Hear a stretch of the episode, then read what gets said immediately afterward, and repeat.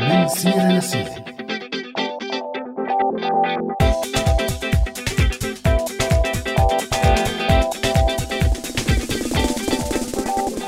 يسعد مساكم مستمعينا مستمعي راديو سوريالي بحلقة جديدة من برنامج من سيرة لسيرة. معي أنا عزة وكمان معي همام من وراء المايك. يسعد مساك همام مرحبا عزة يسعد مساكي ومسا كل مستمعينا عبر راديو سوريالي اليوم وكل يوم بهالبرنامج وكل برنامج. وبالبداية اسمحوا لنا باسمنا واسم فريق برنامج من سيرة لسيرة وكادر راديو سوريالي نعايد عليكم ونتمنى لكم أيام سعيدة جاية بمناسبة عيد الأضحى وكل عام. وأنت بألف خير يا عزة. وأنت بألف خير يا همام وأهلنا السوريين بكل مكان بألف خير. بس هلأ همام قبل العيد خبرني ليش غاطس بالتليفون كنت قبل الحلقة ومو طالع صوتك؟ كل هذا معايدات لك لا كنت عم بقرأ قصة بتشيب شعر الراس على فكرة. إيه خير إن شاء الله. قصة منزلتها صبية على الفيسبوك. صارت مع أختها السنة الماضية. عم بتقول إنه راحت أختها لتعمل عملية ربط معدة مدري واحدة من هدول تبع عمليات التنحيف بوحدة من أحسن مستشفيات الشام على قولها. بس ما طلعت. شو يعني ماتت؟ إيه تخيلي. لا شلون يعني هيك صار؟ طب شو تفاصيل الموضوع؟ اللي هلا بالحقيقة ما بعرف يعني ما لحقت أقرأ كل شيء لأنه صار وقت الحلقة بس بكل الأحوال هذا الموضوع هو نفسه موضوع حلقتنا لليوم. معناها مستمعينا رح نحكي اليوم عن الأخطاء الطبية وخطورتها وعلى مين بتوقع مسؤولية حدوثها وقت بتصير وشو هي الإجراءات يلي لازم يتم اتخاذها. ولحتى نجاوب على كل هالأسئلة رح يكون ضيفنا لليوم الدكتور بشار فرحات يلي رح يقدم لنا فكرة أوضح عن هذا الموضوع. ورح نبلش موضوعنا من بعد ما نمسي على أماني معدة البرنامج وغالية على متابعة التعليقات وأكيد تيسير على الهندسة الصوتية. يسعد مساكم جميعا. كيف بداويك وأنا بدي مين يداويني؟ للطب العربي تعلمت وللطب الصيني. كيف بداويك وأنا بدي مين يداويني؟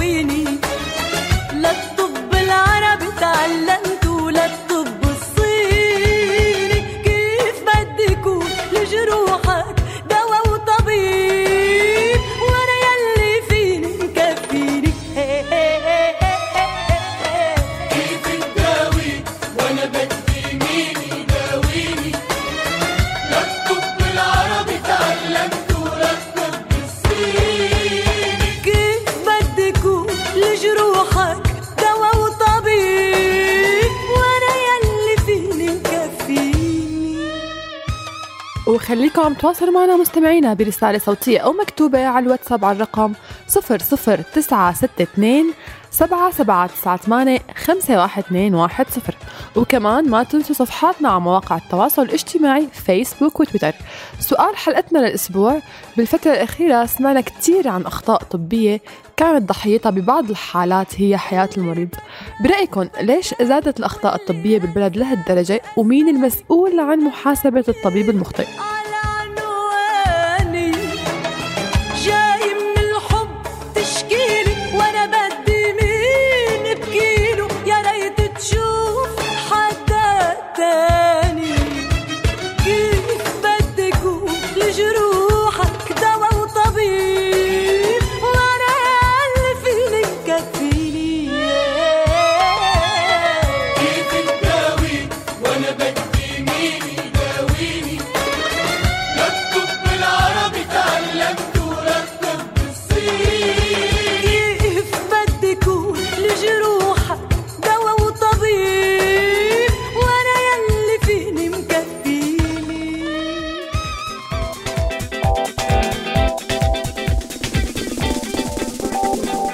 ورجعنا لكم مستمعينا عم تسمعونا من راديو سوريالي وببرنامج من سيرة لسيرة. معي أنا عزة ومع زميلي همام.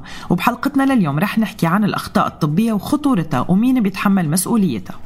وفقراتنا اليوم مستمعينا بتبدأ بسكتش درامي لأبو فاكر وأم جوزيف. رح نسمع فيه شو صار مع رفيقة أم جوزيف يلي راحت تعمل عملية تجميل لأنفها. بس هي همام مو كتير رفيقتها يعني بس إنه أنسة كانت معها بالمركز. لك هلأ هو ما بعرف اللي هو عزة المهم الزبدة. طيب طيب آسفة مثل ما بدك. وبالمنقوشة مستمعينا رح تحكي لنا رئيفة قصة مثل إجا لك حلا قام عماها. أما أماني ببنات الشمس فرح تحكي لنا عن لوريس ماهر أول طبيبة تخرجت من كلية الطب بجامعة دمشق. وبليرة ورا وبالليرة رح تحكي لنا كارولين عن تجارة الأدوية وكيف ممكن توصل للسوق السوداء. وبفقرة شؤولك رح نتحاور مع ضيفنا الدكتور بشار فرحات عن الأخطاء الطبية وخطورتها ومين بيتحمل مسؤوليتها والواقع السوري اللي بيتعلق بهالموضوع. وهلا خلونا نروح لأولى فقراتنا لليوم ونسمع شو صار مع أبو فاكر وأم جوزيف ورفيقتهم. جوز كلام.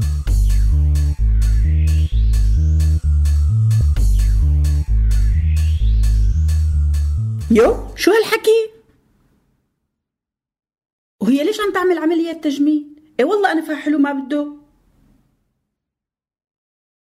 يعني انتزع أنفها أكتر ما يزبط؟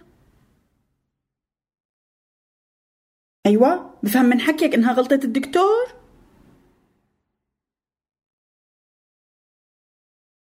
شو بده يقول الواحد؟ الله يعين كل واحد على عقله لا سلامتك الله معك. لك على مين عم تشلو. شو بيعرفني هالعالم؟ شلون عقله؟ يا عالم. شو صاير؟ فهميني. مين هي اللي انتزع انفها مدري ما انتزع انفها مدري شو صار لها شوفي لك هي أنسة اسمها مروة. كانت معنا بدورة الفرنسية اللي عملناها للأولاد الصغار السنة الماضية تذكرتها؟ للأنسة مروة؟ لك لا لدورة الفرنسي. هلا القصة بدورة الفرنسي ولا بالأنسة مروة؟ إيه مزبوط ذكرتني. القصة بالأنسة مروة. لك المهم فهميني شبه الأنسة مروة؟ قال عاملة عملية تجميل لأنفها بس العملية ما نجحت على ما يبدو وطلع أنفها مايل وما عم تقدر تتنفس منيح. إيه بجوز ما حلا تحس بتحسن؟ لا صار لها أكثر من شهرين وراحت لعند دكتور تاني وثالث وقالوا لها إنه صاير خطأ بالعملية ومشان هيك صارت هي المضاعفات. إيه معناتها لازم تروح تشتكي على الدكتور. كأنك مو عايش بهالبلد. جربت تشتكي عليه. عم طالعوا الحق عليها بوزارة الصحة ونقابة الأطباء. وهددوها أنه الدكتور بيقدر يرفع عليها دعوة تشهير وبيكسبها بسهولة. العمى شو هالبلد؟ ما فيها شي ما بصير. وما في شي أسهل من إنه الظالم يصير مظلوم والجاني يصير ضحية. إيه؟ وشو بدها تعمل رفيقتك هلأ؟ هي يعني مو رفيقتي كتير. المهم هلأ شو بدها تعمل رفيقتك اللي هي مو كتير رفيقتك؟ بدها تعمل عملية تانية تزبط أنفها فيها. إيه وعلى حسابها؟ إلها كان حساب الدكتور؟ لا حول ولا قوة إلا بالله. الله يعافيها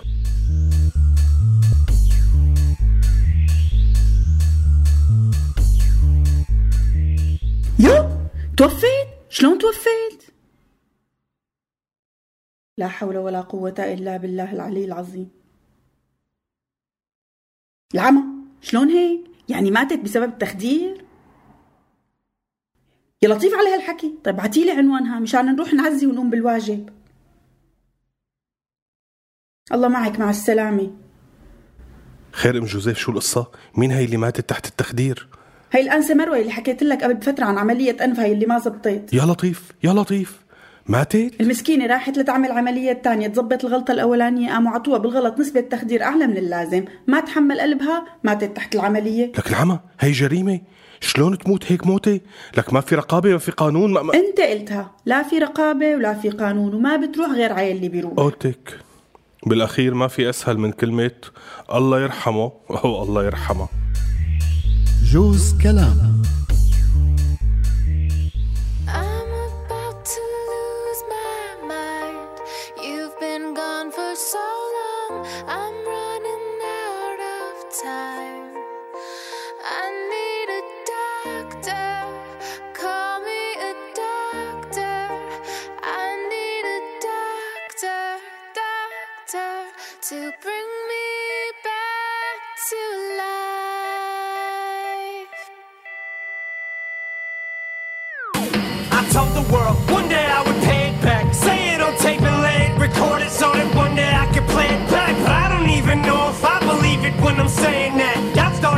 Every day. is just so gray and black. Hope I just need a of that. Cause no one sees my vision when I play it for them. They just say it's whack. But they don't know what dope is. And I don't know if I was awake or asleep when I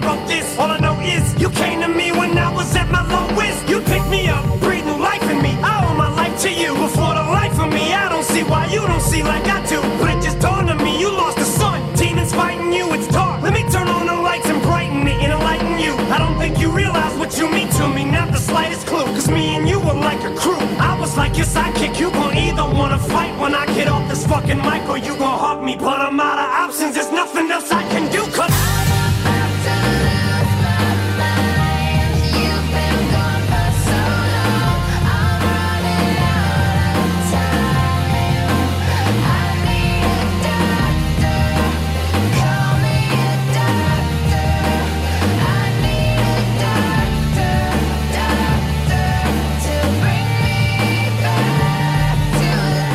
وضلكم شاركونا آرائكم مستمعينا برسالة صوتية أو مكتوبة على الواتساب على الرقم 00962 سبعة سبعة تسعة ثمانية خمسة واحد اثنين واحد صفر. وكمان ما تنسوا صفحاتنا على مواقع التواصل الاجتماعي فيسبوك وتويتر. سؤال حلقتنا. بالفترة الأخيرة سمعنا كتير عن أخطاء طبية كانت ضحيتها ببعض الحالات هي حياة المريض. برأيكم؟ ليش زادت الأخطاء الطبية بالبلد لهالدرجة ومين المسؤول عن محاسبة الطبيب المخطئ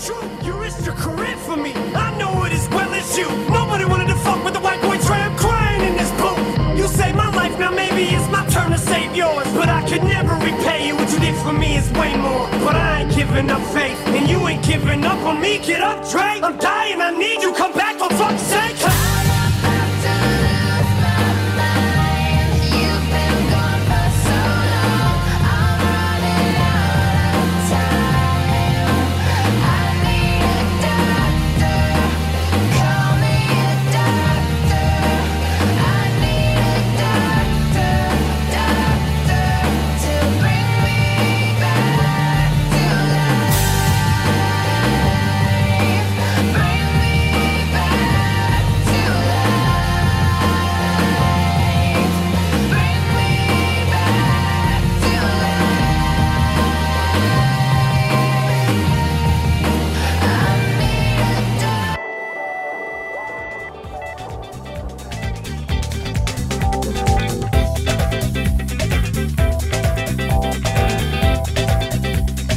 ورجعنا لكم مستمعينا. أنتم عم تسمعونا على هوانا الافتراضي هوا راديو سوريالي ببرنامج من سيره لسيره وبحلقتنا لليوم يلي عم نحكي فيها عن الأخطاء الطبية المرتكبة بحق المرضى وعلى مين توقع مسؤوليتها. وللأسف همام الأخطاء الطبية الفادحة يلي عم تكون بكتير من الأحيان حياة المريض ضحيتها عم تزيد يوم بعد يوم بالبلد مع غياب القوانين يلي بتحاسب الطبيب المرتكب للخطأ. صح كلامك عزة وبتقرير نشرته شبكة أريج للصحافة الأستقصائية في 700 دعوة خسروها المتضررين قدام محاكم سوريا بحق أطباء ومستشفيات بسبب إهمال أو تقصير طبي. هي الإحصائيات صارت بين سنتين بين سنة 2014 عفوا لسنة 2017 أوف 700 دعوة؟ إيه نعم عزة. 700 دعوة قررت فيها المحاكم السورية أنها تخلي مسؤولية الأطباء والمستشفيات قال شو؟ لعدم توفر النية والإرادة الحرة لارتكاب الخطأ أو الإهمال الطبي. بالله شو قال مجنون يحكي وعاقل يسمع. يعني إنه لازم الدكتور يكون قاصد الخطأ وقاتل المريض عن سبق إصرار وترصد لحتى يتحاكم؟ إنه مو معقول ما يتحمل مسؤولية خطأه؟ للأسف يا عزة هذا هو الواقع. طيب كيف بيمشي الموضوع؟ يعني ما بياخدوا أي إجراءات ولا بياخدوا إجراءات بس بعدين بيبروا الطبيب منها هلأ لما بيتم تقديم الشكوى بشكل رسمي بتشكل نقابة الأطباء لجنة طبية مختصة وبيكون في عدد في عدة لجان بمستويات مختلفة. كيف يعني عدة لجان بمستويات مختلفة؟ يعني بتشكل النقابه لجنة من ثلاث أطباء وإذا احتاجوا خبرة تانية إضافية بشكلوا لجنة تانية من خمس أطباء. حلو اللجنه الثالثة؟ اللجنة الثالثة بقى بتتشكل في حال انطعن بنتائج اللجنتين الأولانيات وبتكون مكو... بتكون مكونة من سبع أطباء وكل هاي اللجان بتقدم تقريرها وبتقول كلمتها بالأخير وبيكون القرار النهائي لقاضي المحكمة. يعني مع كل هي اللجان مو المفروض يضيع على فكرة حق الناس اللي كانوا ضحية الأخطاء الطبية؟ ما هي هي المشكلة باللجان نفسها لأنه كونها مكونة من أطباء فبيتعاطفوا مع زملائهم اللي الدعوة ضدهم يعني بالمختصر المفيد بيغطوا على بعض. معناها كمان القضايا المتأخرة والعلقانة ممكن تكون بسبب تأخر اللجان بكتابة التقرير على أساس أنه تسقط القضية مع الوقت أو يلحق الطبيب المخطئ يدبر حاله أو يهرب مثلا. صح كلامك عزة وفي دعاوي من ال 2011 لهلأ ما انبت فيها بسبب تأخيرها وتعليقها من قبل اللجان يعني بهالحالة لازم تنحط معايير كتير دقيقة لاختيار هدول اللجان صح؟ إم بلا بعرف هذا الحكي وهن بيعرفوه بس ما بدهم ينفذوه. بيخافوا يكحلوها بدل ما يعموها. شلون يعني بخافوا يكحلوها بدل ما يعموها هما؟ يعني هن قصدهم يعموها مو يكحلوها. لا هلا أنت على فكرة عم تستخدم المثل غلط. يعني ما بيزبط المثل مثل ما قلته أنا. لا لا. طيب كيف وإمتى بيقولوا لكان أنا ما رح أقول لك رح أخذك لعند رئيفة هي رح تخبرنا بالمنقوشة. لكن مباشرة لعند رئيفة لنسمع شو بدها تخبرنا بالمنقوش المنقوش معي أنا رئيفة.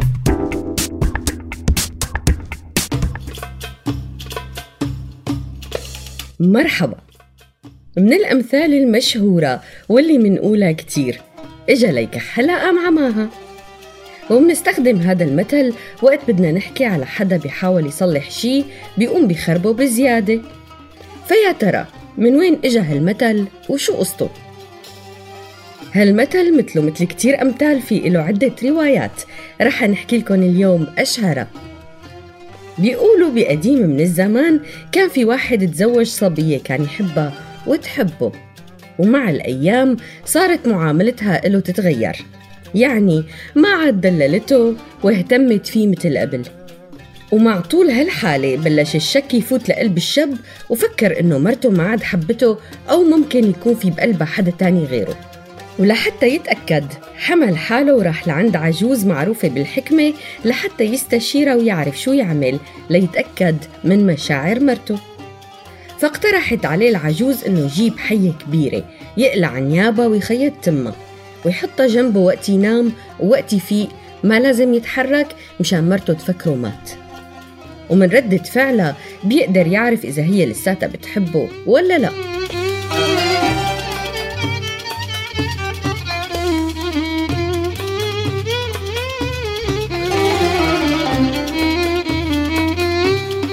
وبالفعل راح الشاب صاد حية وعمل مثل ما قالت له العجوز.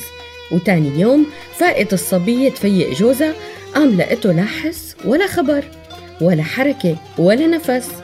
خافت وارتعبت وشالت الغطا عنه قامت شافت الحية بتخته. فكرت إنه هي الحية قتلته وصارت تبكي وتولول على جوزها. وقالت قصيدة غزل ورثاء في بساعتها. هون سمعها جوزها وتأكد من إنه مرته بتحبه. قام من تخته وهداها وقال لها إنه هو ما مات وبس كان عم بيختبر محبتها. بس القصة ما مرقت هيك. الصبية حست حالها انخدعت وحست إنه جوزها وقت حطها بهالموقف من الخوف والرعب والقلق كان عم بيستهين فيها وبمشاعرها. مشان هيك قررت إنها تتركه لأنه أولاً شكك بمحبتها من البداية وثانيا استهان بمشاعرها وقت خلاها تصدق انه مات وحملت حالها وضبت اغراضها ومشيت بلا رجعة. ومن يومها صارت الناس لما تحكي عن الزلمة تقول إجا ليكحلها قام عماها. ومن بعدها مشي المثل على لسان الناس. هي مو القصة الوحيدة للمثل. إذا بتعرفوا قصة تانية احكوا لنا إياها.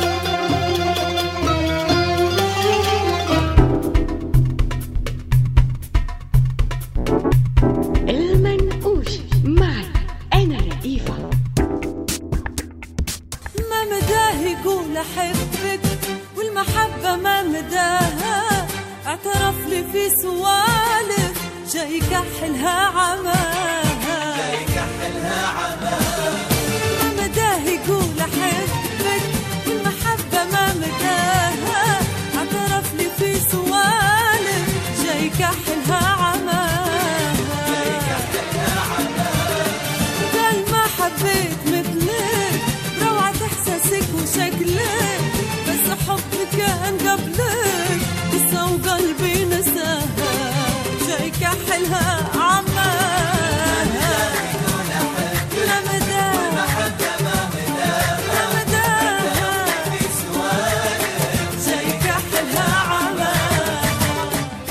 أنتم معنا مستمعينا عم تسمعوا برنامج من سيرة لسيرة على هوا راديو سوريالي فيكم تتواصلوا معنا برسالة صوتية أو مكتوبة على الواتساب على الرقم 00962 7798 51210 وكمان ما تنسوا صفحاتنا على مواقع التواصل الاجتماعي فيسبوك وتويتر. سؤال حلقتنا بالفترة الأخيرة سمعنا كتير عن أخطاء طبية كانت ضحيتها ببعض الحالات حياة المريض. برأيكم ليش زادت الأخطاء الطبية بالبلد لهالدرجة؟ ومين المسؤول عن محاسبة الطبيب المخطئ. ومعنا أحد التعليقات على صفحتنا على الفيسبوك الفتاة الدمشقية عم بتقول تسريب الأسئلة والغش أثناء تقديم الامتحانات.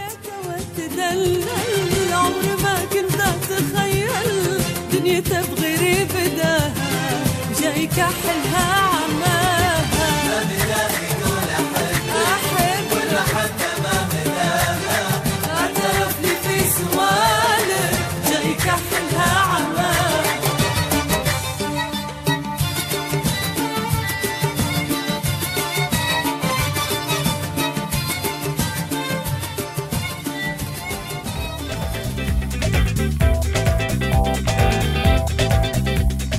ورجعنا لكم مستمعينا أنتم عم تسمعونا على هوانا الافتراضي هوا راديو سوريالي وببرنامج من سيرة لسيرة. معي أنا عزة ومع زميلي همام. وبحلقة اليوم عم نحكي عن الأخطاء الطبية وأسبابها والإجراءات يلي المفروض تتاخذ ضد الجاني ويلي هي بالحقيقة ما عم تتاخذ لا هي ولا غيرها من الإجراءات. وبالتقرير نفسه يلي أعدته شبكة أريج للصحافة الإستقصائية في ست مرضى رصدهم التقرير انتهت حياتهم بسبب أخطاء طبية وحالة لطفل انقطعت إيده كمان بسبب خطأ طبي وهي الحالات هي حالات رصدها تقرير واحد بس. فإذا بنجي للحقيقة والواقع الأخطاء يلي عم بتصير أكبر من هيك بكتير. وحتى على الصعيد الشخصي يمكن ما بيمرق يوم ما بنسمع بقصة من هالنوع. طيب احكي لنا همام عن القصة اللي كنت أنت عم تقراها قبل ما نطلع بالحلقة. القصة عن صبية اسمها مايا زيدان. توفت السنة الماضية بالشام وبحسب رواية أختها أنه مايا راحت على مشفى العباسيين لتعمل عملية تحويل مسار معدة. العملية ما نجحت والصبية صار معها اختلاطات بعد العملية. فضلت بالمشفى خمسة أيام بعد العملية مع أنه الدكتور كان قايل أنه بتطلع تاني يوم من المشفى. طيب وبعد الخمس أيام طلعت ولا شو صار؟ طلعت وراحت على البيت بس ضلت تعبانة وموجوعة كتير فردت راحت على الدكتور وقال لها إنه لازم ترجع تفوت على المشفى وتضل كم يوم طيب وشو اللي طلع صاير معها؟ طلع صاير معها اختلاطات يلي هي انقلاب وانسداد بالأمعاء يو وطيب ما عملوا لها عملية تانية ليصلحوا الخطأ؟ امبلا وبعد العملية الثانية طمن الدكتور أهل مايا أنه الأمور تمام. بس بعد شوي وقت بلشت تصحى من البنج لاحظوا أهل مايا أنها ما عم تقدر تسحب نفس منيح وحطوا لها أكسجين ليساعدها على التنفس ولحد هون الدكتور عم بيقول الوضع طبيعي. إيه وعن جد كان الوضع طبيعي؟ لا طلع فايت مي على الرئتين أثناء العملية وصاير معها جلطة بالرئة وفوقها لقطة جرثومة من المشفى كمان. وطبعا بدهم يردوا يفوتوها ويعملوا عملية ثالثة. هذا يلي صار فاتت على العملية الثالثة وطولت جوا وبعد ما طلعت دخلوها على العناية المشددة وحطوا لها الأكسجين لأنه ما كانت عم تقدر تتنفس لحالها أبدا. والدكتور كل الوقت عم يطمن أهلها ويقول إنه ثالث عملية ناجحة وإنه كل شيء صار تمام وهلأ بعد كم يوم تقدر تطلع من المشفى. إيه وبعدين؟ بعد ثالث عملية بيومين توفت مايا من عمر 23 سنة وبحسب أخت مايا أنه أختها ما كانت أول ضحية لأخطاء نفس الدكتور لأنه قبلها بسنة ماتت تحت إيده صبية اسمها نور تركماني بنفس تسلسل الأحداث بالضبط. طيب وما اتخذوا الأهل أي إجراء قانوني؟ صراحة ما عندي فكرة بالضبط بس حتى لو اتخذوا أي إجراء قانوني رح يكون مصير قضية مثل مصير ال 700 قضية يلي حكينا عنهم قبل شوي وعلى فكرة مستمعينا نحن حاولنا نتواصل مع أخت مايا لتكون معنا وتحكي لنا على اللي صار بنفسها بس ما قدرنا نتواصل معها للأسف يعني مو حرام همام هالبلد يلي خرجت من أوائل وأمهر الأطباء يكون فيها الوضع الطبي هيك صار؟ طبعا عزة حرام وبما أنك حكيتي عن أوائل وأمهر الأطباء شو رأيك نروح لفقرتنا الجاية بنات الشمس لتحكي لنا أماني عن لوريس ماهر أول طبيب بسوريا بتتخرج من كلية الطب بجامعة دمشق. يلا سوا لنروح نسمع. بنات الشمس معي أنا أماني.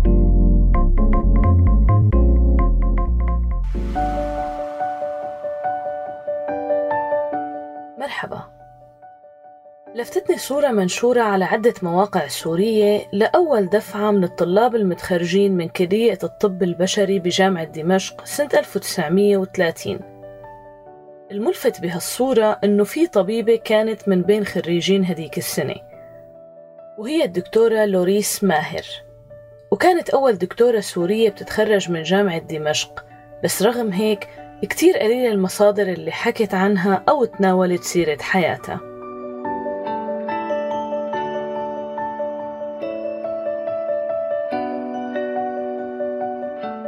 هي لوريس ماهر بنت الصيدلي وانس أفندي ماهر يلي أسس شركة سيريلاك السورية لأطعمة الأطفال بعد ما انفقدت هي الأطعمة من سوريا ولبنان زمن الحرب العالمية الثانية بين 1940 و 1945 ليقدمها للناس ويساعد فيها الأطفال.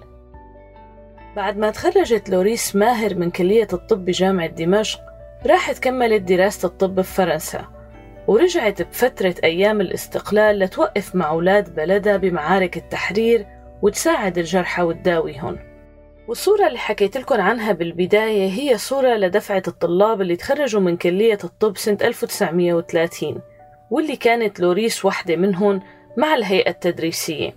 وبيبين بالصورة الدكتور رضا سعيد رئيس الجامعة والدكتور عبد القادر العظم اللي صار لاحقا رئيس للجامعة والطالب عزة مريدن اللي صار عميد لكلية الطب بالخمسينيات كانت الدكتورة لوريس ماهر من أول اللي نشروا باللغة الفرنسية. نشرت كتاب مهم عن أمراض الأطفال والرضع عنوانه تمريض الأطفال ودور القائمات على ذلك والعناية اللازمة. وانطبعت منه 500 نسخة. وهذا الكتاب لاقى رواج بين أطباء فرنسا.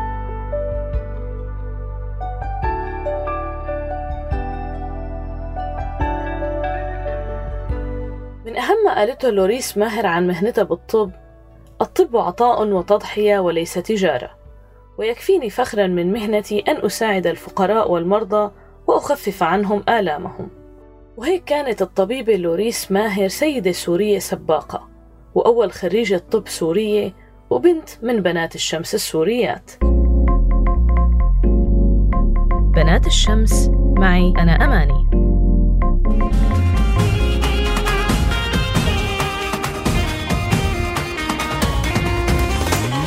مريولة الأبيض شفتها عم تتمخطر هدت حيلي يا دلة جسمي تخدر التفتت صوبي وضحكت لي نسيت جروحي تحرك قلبي وردت لا صدري روحي التفتت صوبي وضحكت لي نسيت جروحي.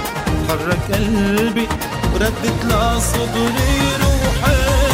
ودخيلك يا دكتورة خدي لقلبي صورة. داخلك يا دكتورة خدي لقلبي صورة. رح بتلاقي مع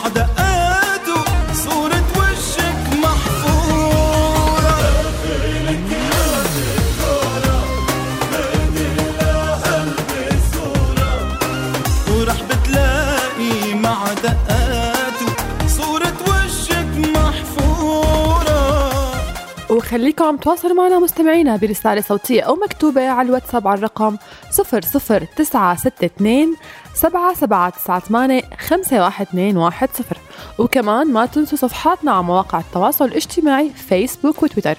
سؤال حلقتنا للأسبوع بالفترة الأخيرة سمعنا كتير عن أخطاء طبية كانت ضحيتها ببعض الحالات هي حياة المريض. برأيكم ليش زادت الأخطاء الطبية بالبلد لهالدرجة؟ ومين المسؤول عن محاسبة الطبيب المخطئ؟ ومعنا علي عم بيقول آه، الفلتان الأمني اللي صاير بالبلد ما في سلطة قانون تحاسب يلي عم يغلطوا. أما سمية عم بتقول نقص الوعي الموجود عند المرضى يلي هن ما بيعرفوا إنه هن من حقهم يقدموا شكوى ضد يلي أذاهم أو عمل لهم هي الأخطاء. شكرا أصدقائي على مشاركاتكم. لمساتك فوق جبيني بلسم شافق همساتك بتواسيني صوتك دافئ. لمساتك فوق جبيني بلسم شافق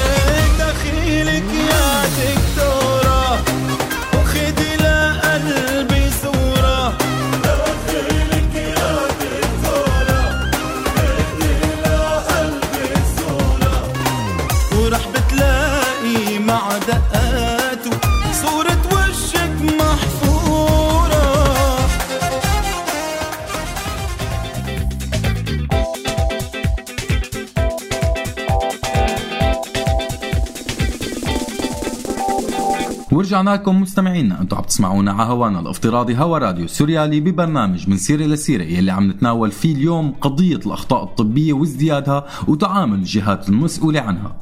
ومن أصعب القصص كمان يلي سمعت عن الأخطاء الطبية قصة صارت باللاذقية. كانت السنة الماضية مع طفل وقع من على البسكليت وانكسرت إيده. أخذوا أهله على الدكتور فعادي الدكتور خيط الجرح وجبر له إيده للولد. بس الولد صار يتوجع كتير ويصرخ من الوجع وبلشت إيده تزرق. أخذ الأب ابنه على الدكتور مرة تانية قص الدكتور الجبيرة بدون ما يفك الجرح. طيب وبلكي المشكلة بالجرح نفسه ملتهب مثلا؟ ما هو تمام هذا همام اللي كان صاير. بعد ما راح الأب وابنه على البيت وتاني يوم ضل الوجع يزيد ويزيد وصارت إيده للولد سودا مو زرقاء. فركت فيه أبوه على المشفى ليشوف طبيب تاني. فقالوا له بالمشفى إنه لازم فورا الولد يفوت على العمليات لأنه حياته صارت بخطر. أوف. ليش شو صاير معه؟ لك شو اللي صاير معه؟ صاير إنه الجبيرة كان لازم تكون أوسع ب 3 سنتيمتر تخيل. مشان ما تضغط على الجرح. وإنه لما فك الدكتور الجبيرة كمان كان لازم يفك الجرح ويتأكد إنه كله تمام. وطبعا الدكتور ما عمل هيك والجرح ما كان تمام فتفاقم الموضوع. بالضبط هذا اللي طلع. طلع الجرح متعفن تحت الضماد بسبب ضغط الجبيرة لأنه كان لازم تكون أكبر.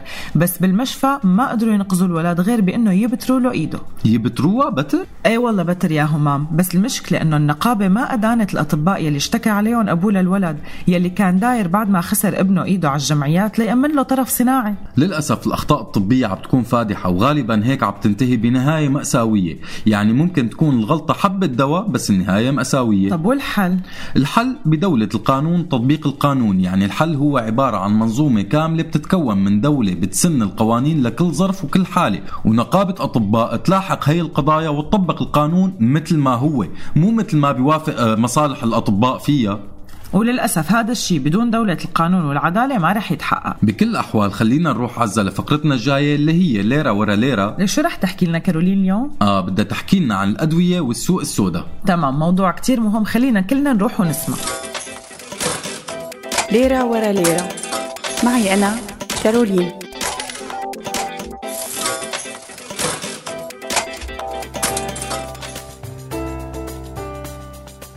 السوق السوداء هو تعبير مستخدم بمجال التجارة والاقتصاد.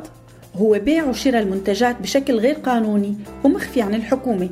وهذا معناه أنه المنتج اللي عم ينباع بالسوق السوداء ما بيخضع للوائح الأسعار وإنما البايع بيتحكم بسعره مثل ما بده.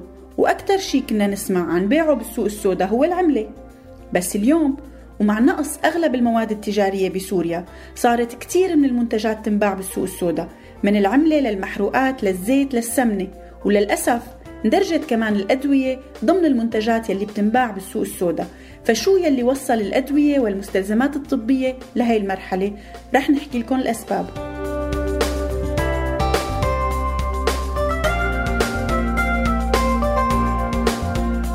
بالدرجة الأولى ومن أهم أسباب تدهور صناعة الأدوية بسوريا أو توقفها بشكل كامل بسبب قصف بعض المعامل الأدوية وخروج عن الخدمة ونقص المواد الأولية اللازمة لتصنيع الأدوية المحلية بالمعامل يلي لساتها شغالة. ونقص المواد الأولية كمان له أسبابه واللي هي أولا تدهور الليرة السورية قدام الدولار الأمريكي ويلي سبب ارتفاع سعر المواد الأولية بشكل كتير كبير بالنسبة للمستورد السوري. والسبب الثاني أن المواد الأولية بيتم استيرادها من برات سوريا بس عمليات الاستيراد اليوم صارت محكومة ومشروطة بأنها تكون من دول محددة. ويلي بتتسمى الدول الصديقة للحكومة السورية مثل روسيا وإيران والصين وبعض الدول الآسيوية. في حال الاستيراد من دول غير صديقة بيتعرض المستورد لمساءلات أمنية ما بيعرف لوين ممكن توصله. ولضمان إنه عمليات الاستيراد عم بتتم بس من الدول الصديقة. صارت الأدوية والمواد الأولية تتطلب سلسلة طويلة من الإجراءات والموافقات الرسمية لتفوت وتوصل للمريض. يلي بكثير من الأحيان ما بيكون وضعه الصحي متحمل شهور طويلة ليصلوا الدواء مثلا مثل مرضى السرطان.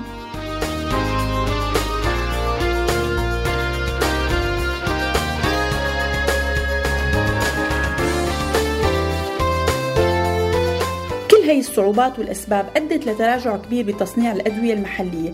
وحتى في حال تصنيعها فعم بتكون قليلة الجودة بشكل كبير وما عم بتسجل أي فعالية علاجية على المرضى.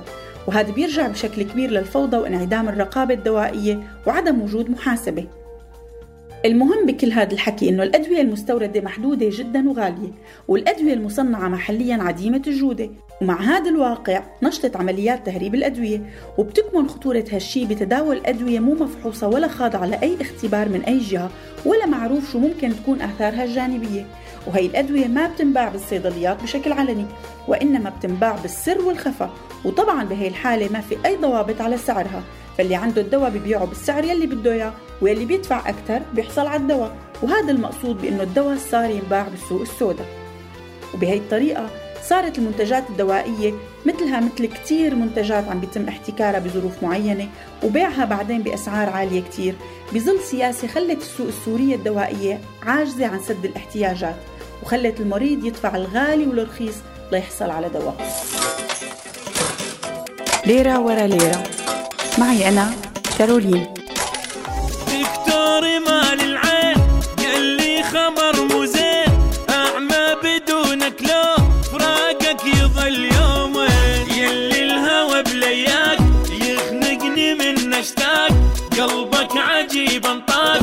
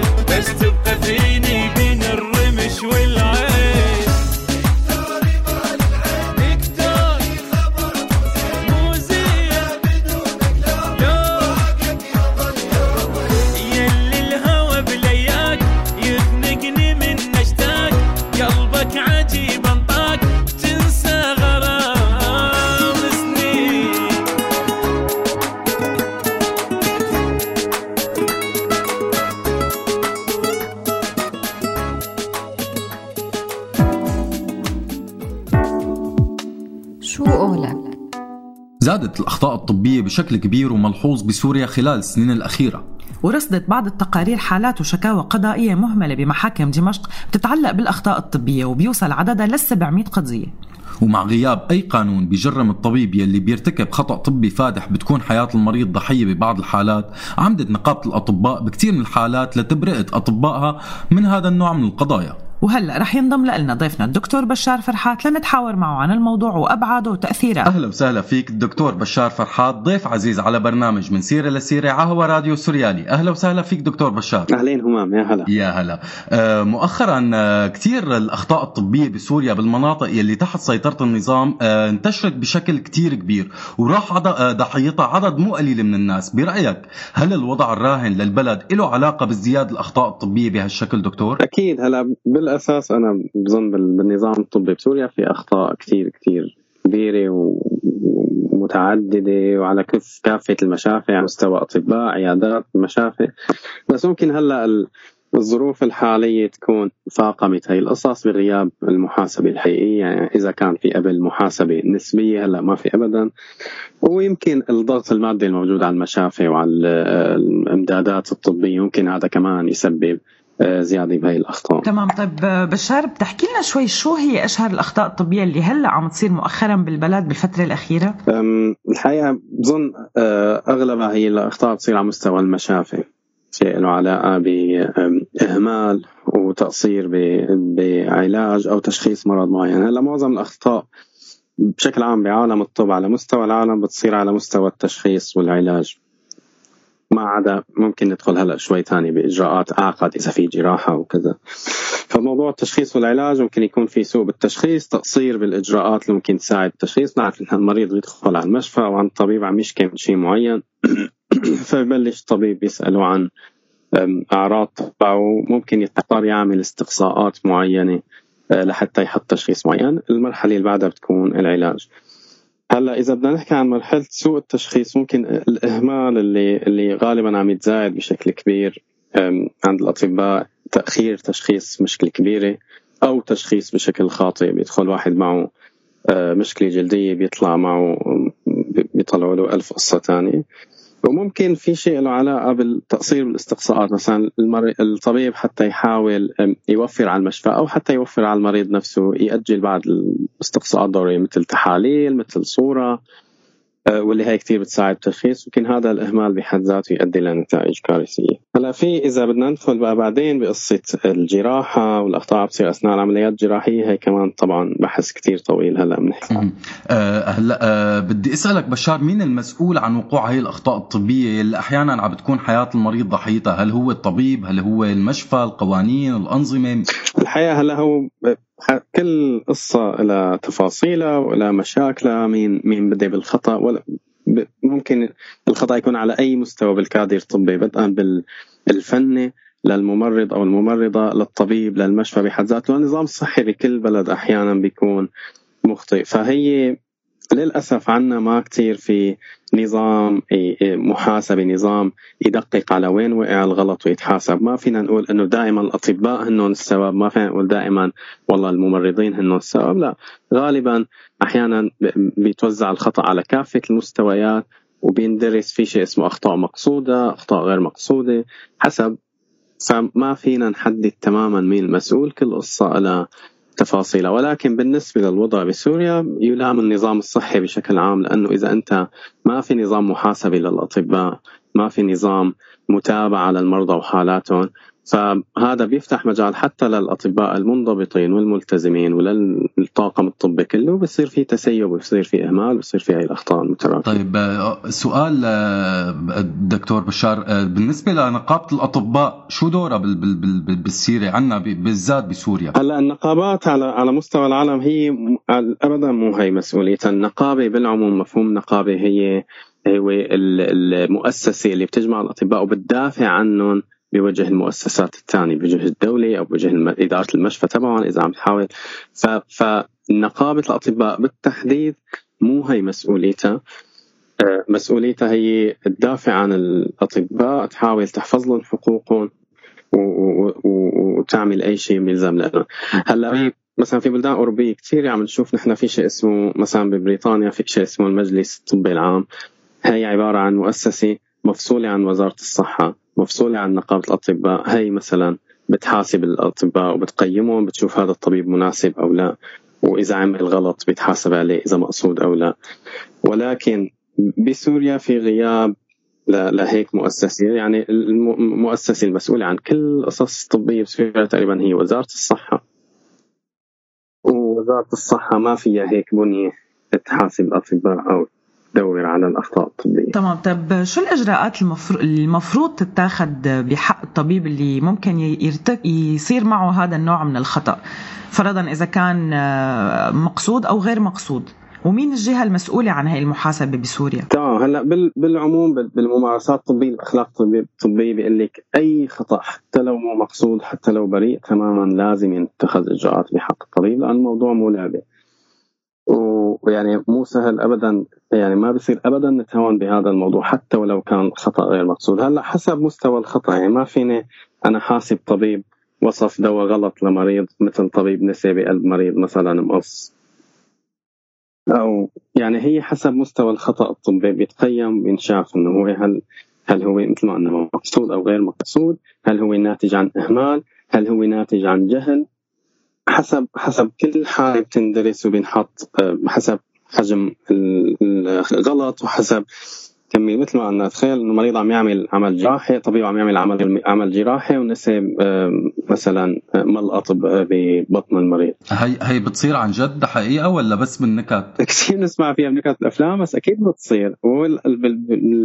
بتصير كثير نسيان أداة طبية أو مثلا شي كيلو قطن بقلب المريض أو متر شاش أم، هدول أكيد بيصيروا وأكيد هاي هاي مثلا خطأ ناتج عن إهمال. هذا طبعا مشاكله كثير كبير. طبعا في العقوبات أو بدنا النظام بي- بيبدأ من عقوبات بسيطة وبينتهي بايقاف مريض الطبيب عن العمل يعني ممكن حاليا انه طبيب ارتكب خطأ هذا الطبيب يعتبر آه، خطر على المرضى. فهذا الطبيب بيوقف عن العمل أو ممرض أو شو ما كان هو هذا الماكسيموم؟ هذا أكثر شيء ممكن يوصل له العقوبة؟ لا لا أكيد لا أكيد إذا إذا في يعني إذا في تقييم لخطأ مقصود أو خطأ ممكن يدخل ب- قانونيا بشيء اسمه جنايات يعني ممكن يصير حبس ممكن يصير آه، عقوبات مالية إلى يعني أي نظام أي خطأ بيدخل ضمن خطأ مقصود أو متعمد أو خطأ كبير ناتج عن إهمال كبير هذا ممكن يدخل ضمن آه، النظام القضائي بجنايات وقصص محاكمات وسجن وإلى آخره. طيب آه، هي الإجراءات بشار اللي حكيت عنها هل يا ترى بيتم اتخاذها بالفعل ب- بحالات وقوع أخطاء طبية؟ هلا عم نحكي عن سوريا أو عم نحكي عن لا آه، أكيد عن سوريا بالوضع السوري. أنا بالحقيقة ما كثير معروفة هاي للأسف يعني انت لما بتحكي عن نظام محاسبه طبي. لازم يكون البلد بشكل عام فيها نظام محاسبه واضح وعادل ومسؤول فأنت ما بتقدر تفصل الموضوع الطبي عن بقية القصص الثانية يعني بصير قصص أكبر من هيك من سوريا وجرائم ومشاكل ما عم يتحاسبوا. ف أنا بظن الموضوع الطبي بسوريا مثل أي موضوع ثاني مرتبط بالواسطات والمحسوبيات. في ناس تتحاسب وناس لا. في ناس أصلا ما المرضى أصلا نحن ما عندنا ثقافة كثير شائعة ثقافة إنه مريض حس إنه تأثر بحقه فيروح يشتكي. كمان هذا الوعي عند الناس مو موجود. فأنا بظن ممكن تتطبق بس مثل كل شيء بسوريا على ناس وناس وأكيد مو بشكل عادل وحقيقي. وما في أصلا هي اليات الاستقصاء وال- وال- يحطوا انه والله هذا مريض ظلم ندور على القصة من على جذورها مين عمل مين سوى مين غلط. فما في كل هالنظام للأسف موجود بسوريا. طيب آه، بشار هلا مثلا بعمليات التجميل بيصير بعض الأخطاء الطبية اللي ممكن تصليحها. هدول الأخطاء آه، مين عم يكون المسؤول عن تصليحهم؟ هلا هو في في في بال بالنظام العمليات الجراحية بشكل عام. في شيء اسمه أه، توقيع المريض بيوقع قبل ما يعمل عملية جراحية بيوقع على ورقة إنه أنا مفوض هذا الطبيب ومستعد أتحمل أي مشكلة. ممكن تصير. هلأ للأسف هاي القصة بتنوجد بكثير يعني بكل الانظمة الطبية في العالم في في شيء اسمه موافقة على عمل جراحي بيعملها المريض. أه، ولكن بسوريا عم يتم استخدام بشكل خاطئ. طبعا المريض بيوقع إنه فوت والعوض على الله. شو ما صار معك ما لنا علاقة.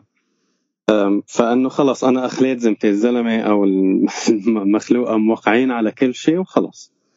فإذا صارت هاي الأخطاء أكيد الطبيب اللي عمل المشكلة هو مسؤول عن تصليحها بس المشكلة بهي القصص إنه أحيانا بتجرجر من غلط لغلط أكبر لغلط أكبر يعني أكيد أكيد إذا في نظام محاسبة في ممكن يصير تعويض مادي آه، الشخص المتضرر يعمله بمكان تاني ولكن مثل ما قلنا لأنه الأمور ما كتير واضحة وما كتير نظام محاسبة دقيق فممكن تروح من كيس المريض أو ممكن الطبيب يحس بالمسؤولية ويصلح. اللي خرب طيب بهي الحالة دكتور بشار شو الاحتياطات اللي لازم المريض يت- يتخذها ليتفادى إنه يصير معه هيك خطأ؟ أه، خلينا نقول بسوريا وإذا كان لساتك مصر عوضه على الله فننتقل على أوروبا لنشوف. أو بالأحرى بدي بس فوت عليكم مداخلة إنه إذا في نصائح يعني مباشرة إنه لازم واحد اثنين ثلاثة نعمل قبل العملية مثلا؟ أكيد. هلأ أم، مثل لما عندنا مشكلة اختيار أول شيء اختيار الطبيب المناسب. فما بعرف شو الآلية الأدق بس أكيد يعني ندور على الطبيب اللي مختص أكثر. يعني مثلا ما أروح على مثلا كل ما عمقت بالاختصاص بيكون أحسن. مثلا إذا عندي مشكلة حاسة أكبر من إنها تكون التهاب والدودة حب التهاب أمشي أكيد ما بروح على طبيب عام. وهون طبعا بتزيد. كل ما زاد كل ما قل معرفة الطبيب باختصاص اللي أنا بدي إياه كل ما زاد احتمال الأخطاء. فأنا بدور على الطبيب اللي مختص أكثر واللي بيعرف أكثر عن الموضوع. آه القصة الثانية ما ما نستسهل أبدا آه أي إجراء م- ممكن يعتبر شوي أعلى من الطبيعي. أي إجراء ممكن يتضمن جراحة أي إجراء ممكن يتضمن في مثلا خزعات في آه تصوير معقد وإلى آخره. ما ما نستسهل هي الإجراءات. نحاول نتأنى ونتأكد إنه عن جد هذا الإجراء مطلوب وضروري وحتى نعمله. لأنه طبعا كل ما تعقد الإجراء الطبي كل ما زاد احتمال يصير في خطأ. يعني أكيد الخطأ الناجم عن عمل جراحي احتماله أعلى بكثير من الخطا الناجم عن وصفه طبيه ودواء وخلص ما بعرف بموضوع العمليات التجميلية يعني ما كثير بقدر اقدم نصيحه هون، بس بدي أقول انه إذا ما ضروريه لا تعملوها أخي. بالآخر. طبيعي. أحلى لأنه يعني بتحسي إنه عن جد هي عمل آه، جراحي وكتير دقيق وهو مثل نحت يعني. آه، فأي خطأ ممكن يعمل عدم تناظر ممكن يسبب. إنت طبعا هذا ما- ما فتنا بقصة. قد بزيد احتمال يصير التهاب وانتهى من الجراثيم هذا شيء له علاقة بالنظافة والاحتياطات الطبية. اللي عم ياخ- ياخذها الكادر الطبي قبل عمل جراحي. وكذا كثير بنسمع إنه حدا راح عمل عملية شفط بعدين صار معه تجرثم بالدم أو التهاب كتير قوي ومات أو إلى آخره. ما عدا طبعا ندخل بقصة أخطاء التخدير إلى آخره. فأي حدا بيقدر يتجنب عمل جراحي عملية فيها تخدير عملية فيها احتمال التهاب. فبيحاول يتجنبها طيب على على سيرة الع- العمليات الجراحية التجميلية دكتور بدي أسألك على إنه هلأ بالفترة الأخيرة صرنا نسمع إنه أغلب العمليات التجميلية صارت عم بتصير بقلب العيادة يعني. ما حتى ما هم مضطرين لا يروحوا على مشفى ولا يعني إنه وبيقولوا لك إنه العيادة مجهزة بكل المعدات اللي ممكن تكون بالمشفى وبلا ومن الحكي شو مدى صحة أو مدى مدى تأمين المريض بإنه يعمل عملية بقلب عيادة مو بقلب مشفى؟ هو هلا هو أكيد هو أكيد أكيد بالمشفى أحسن. آه، في هاي ال- يعني هي بتصير مثل قصة آه، تجارة يعني بيقول لك الطبيب بدل ما يروح على مشفى المريض ويحط آه، مبالغ معينة لاطباء التخدير وما بعرف شو فأنا بوفر عليه وبوفر على حالي وبنعملها بالعياده أكيد أكيد العيادة يعني مي جو مهيأ لعملية جراحية. غرف العمليات الجراحية المشافي تكون معزولة يكون الطاقم اللي فيها بيعرف يتعامل مع هاي الحالات بيعرف يتجنب نقل أي جرثوم ما ضروري للمريض بيعرف كيف يعني ف- فأكيد العيادة ما هي مكان مناسب وهي مشكلة كبيرة عم توقع فيها. كثير ناس يمكن هذا له علاقة بالضغط المادي للأطباء وللمرضى فبيحاولوا يستسهلوا وينقوا شيء بكلفة أقل هذا بيحمل خطورة كتير عالية بكتير حالات. تمام. طيب آه، نهاية يعني سؤالنا الأخير اليوم بشار شو هي الظروف اللي ممكن تتغير بالبلد لحتى يصير في نظام محاسبة صارم يحافظ على حياة الناس أو على الأقل ياخد حقه؟ يعني أكيد يسقط النظام مثلا. مبدئيا. مثلا هيك خطوة أولى. النظام آه، الحقيقة أنت لما بدك تحكي عن نظام مثل ما حكينا بالأول نظام محاسبي لازم كل البلد يكون في نظام محاسبي لازم يكون في نظام قضائي مستقل آه، قادر لازم يتخصص مجلس له علاقة بتقييم الأطباء. كل فترة طبعا مو إنه خلص طبيب أخذ شهادة فهذا مصرح له كل عمره يشتغل شو ما خبص شو ما عمل. الدول الأوروبية معظمها كل فترة بينعمل تقييم للطبيب شو عمل خلال مثلا خمس سنين شو المشاكل اللي عملها؟ ممكن يكون في حدا مشرف عليه يوجهه يحاول يحسن المشاكل عم يوقع فيها فهي قصة كتير مهمة. وجود نظام محاسبة للأطباء والطاقم الطبي بشكل عام تقييم لهم وضع الشخص المناسب في المكان المناسب كل هاي القصص بنسمع عنها وللأسف ما عم نشوفها عم تطبق. فعمليا نظام محاسبي عام بالبلد وبشكل خاص ممكن يتخصص جهة معينة بنية معينة هيكلية معينة ضمن وزارة الصحة تشرف على الطواقم الطبية وتقيمها وتحاسبها لما بتخطئ تمام. طيب نهاية دكتور بشار عن جد شكرا كتير إلك. آه، سعدنا بالحديث معك مع أنه الحديث ما كان يعني كتير سعيد ببعض أح... ببعض محلات بس أنه بالنهاية أكيد سعدنا معك وشكرا كتير إلك وشكرا كتير لوقتك. يا أهلا وسهلا ومروا على العيادة إذا في أي سؤال. أكيد. شكرا كثير بشار شكرا كتير إلك دكتور. يا طبيب جراح قلوب الناس داويها.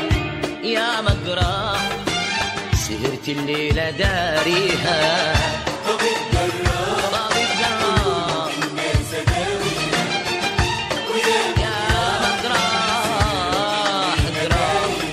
شافوني قالوا متاني. من كتر الفرح بيغني.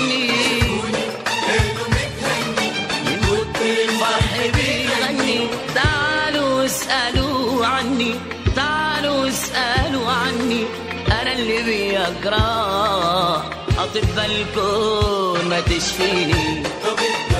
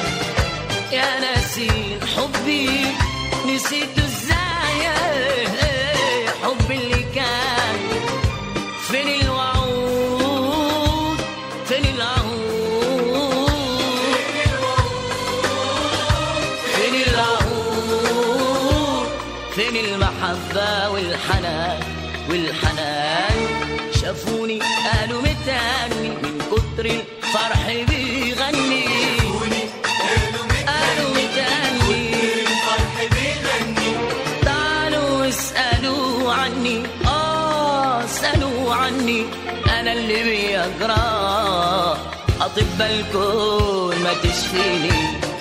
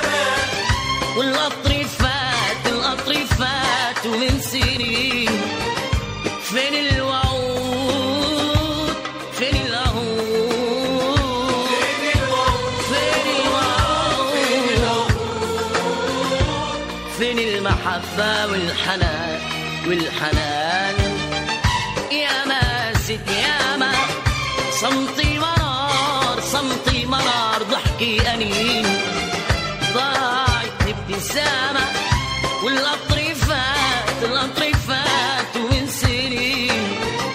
فين الوعود؟ فين العهود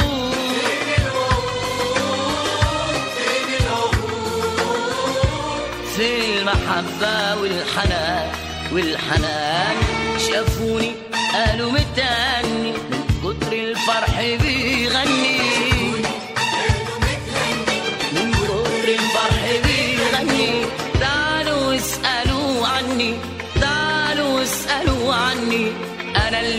بيقرا أطباء الكون ما تشفيني طبيب جراح قلوب الناس أداويها يا مجراح سهرت الليلة داريها.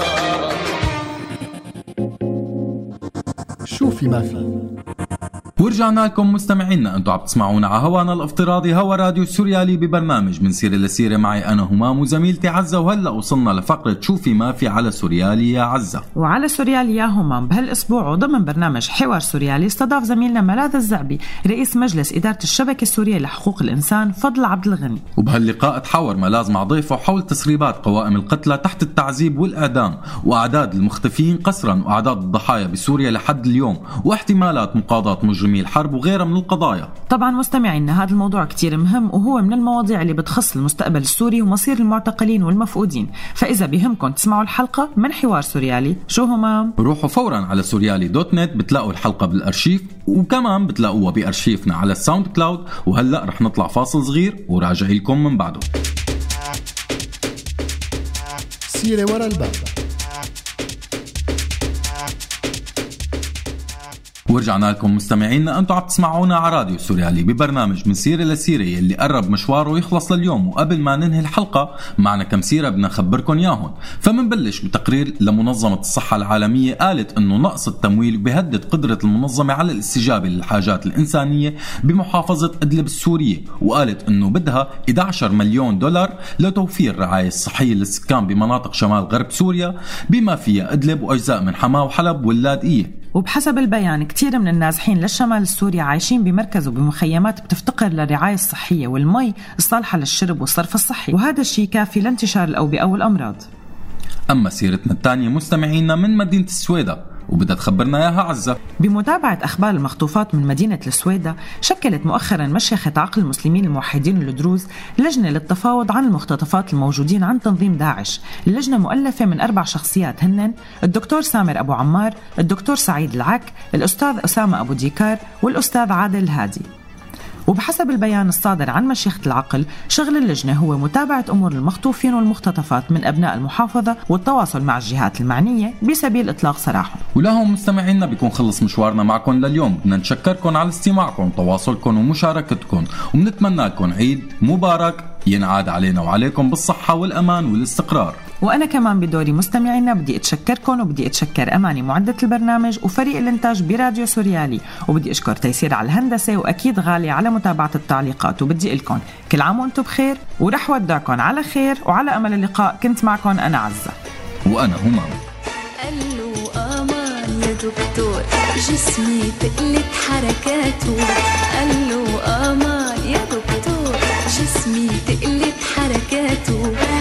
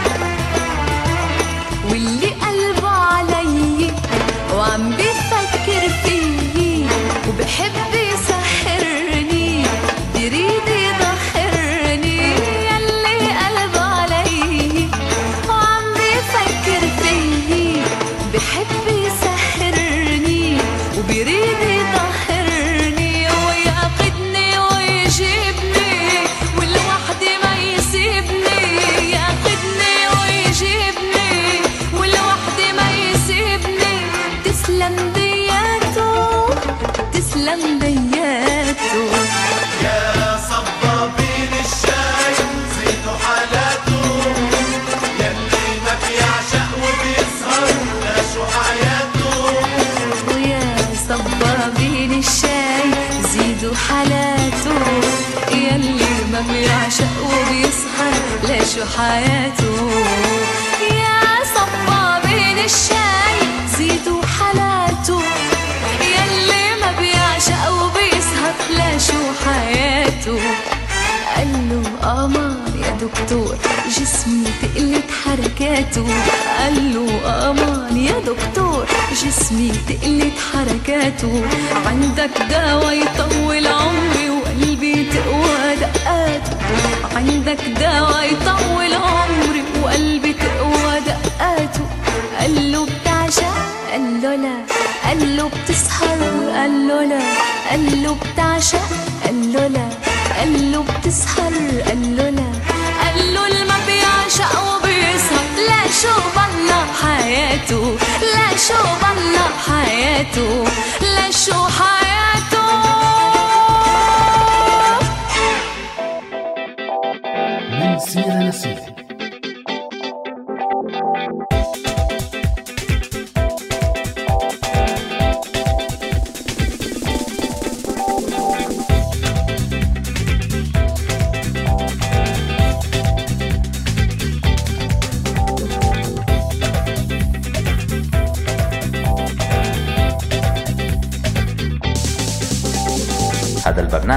إنتاج سوريالي 2018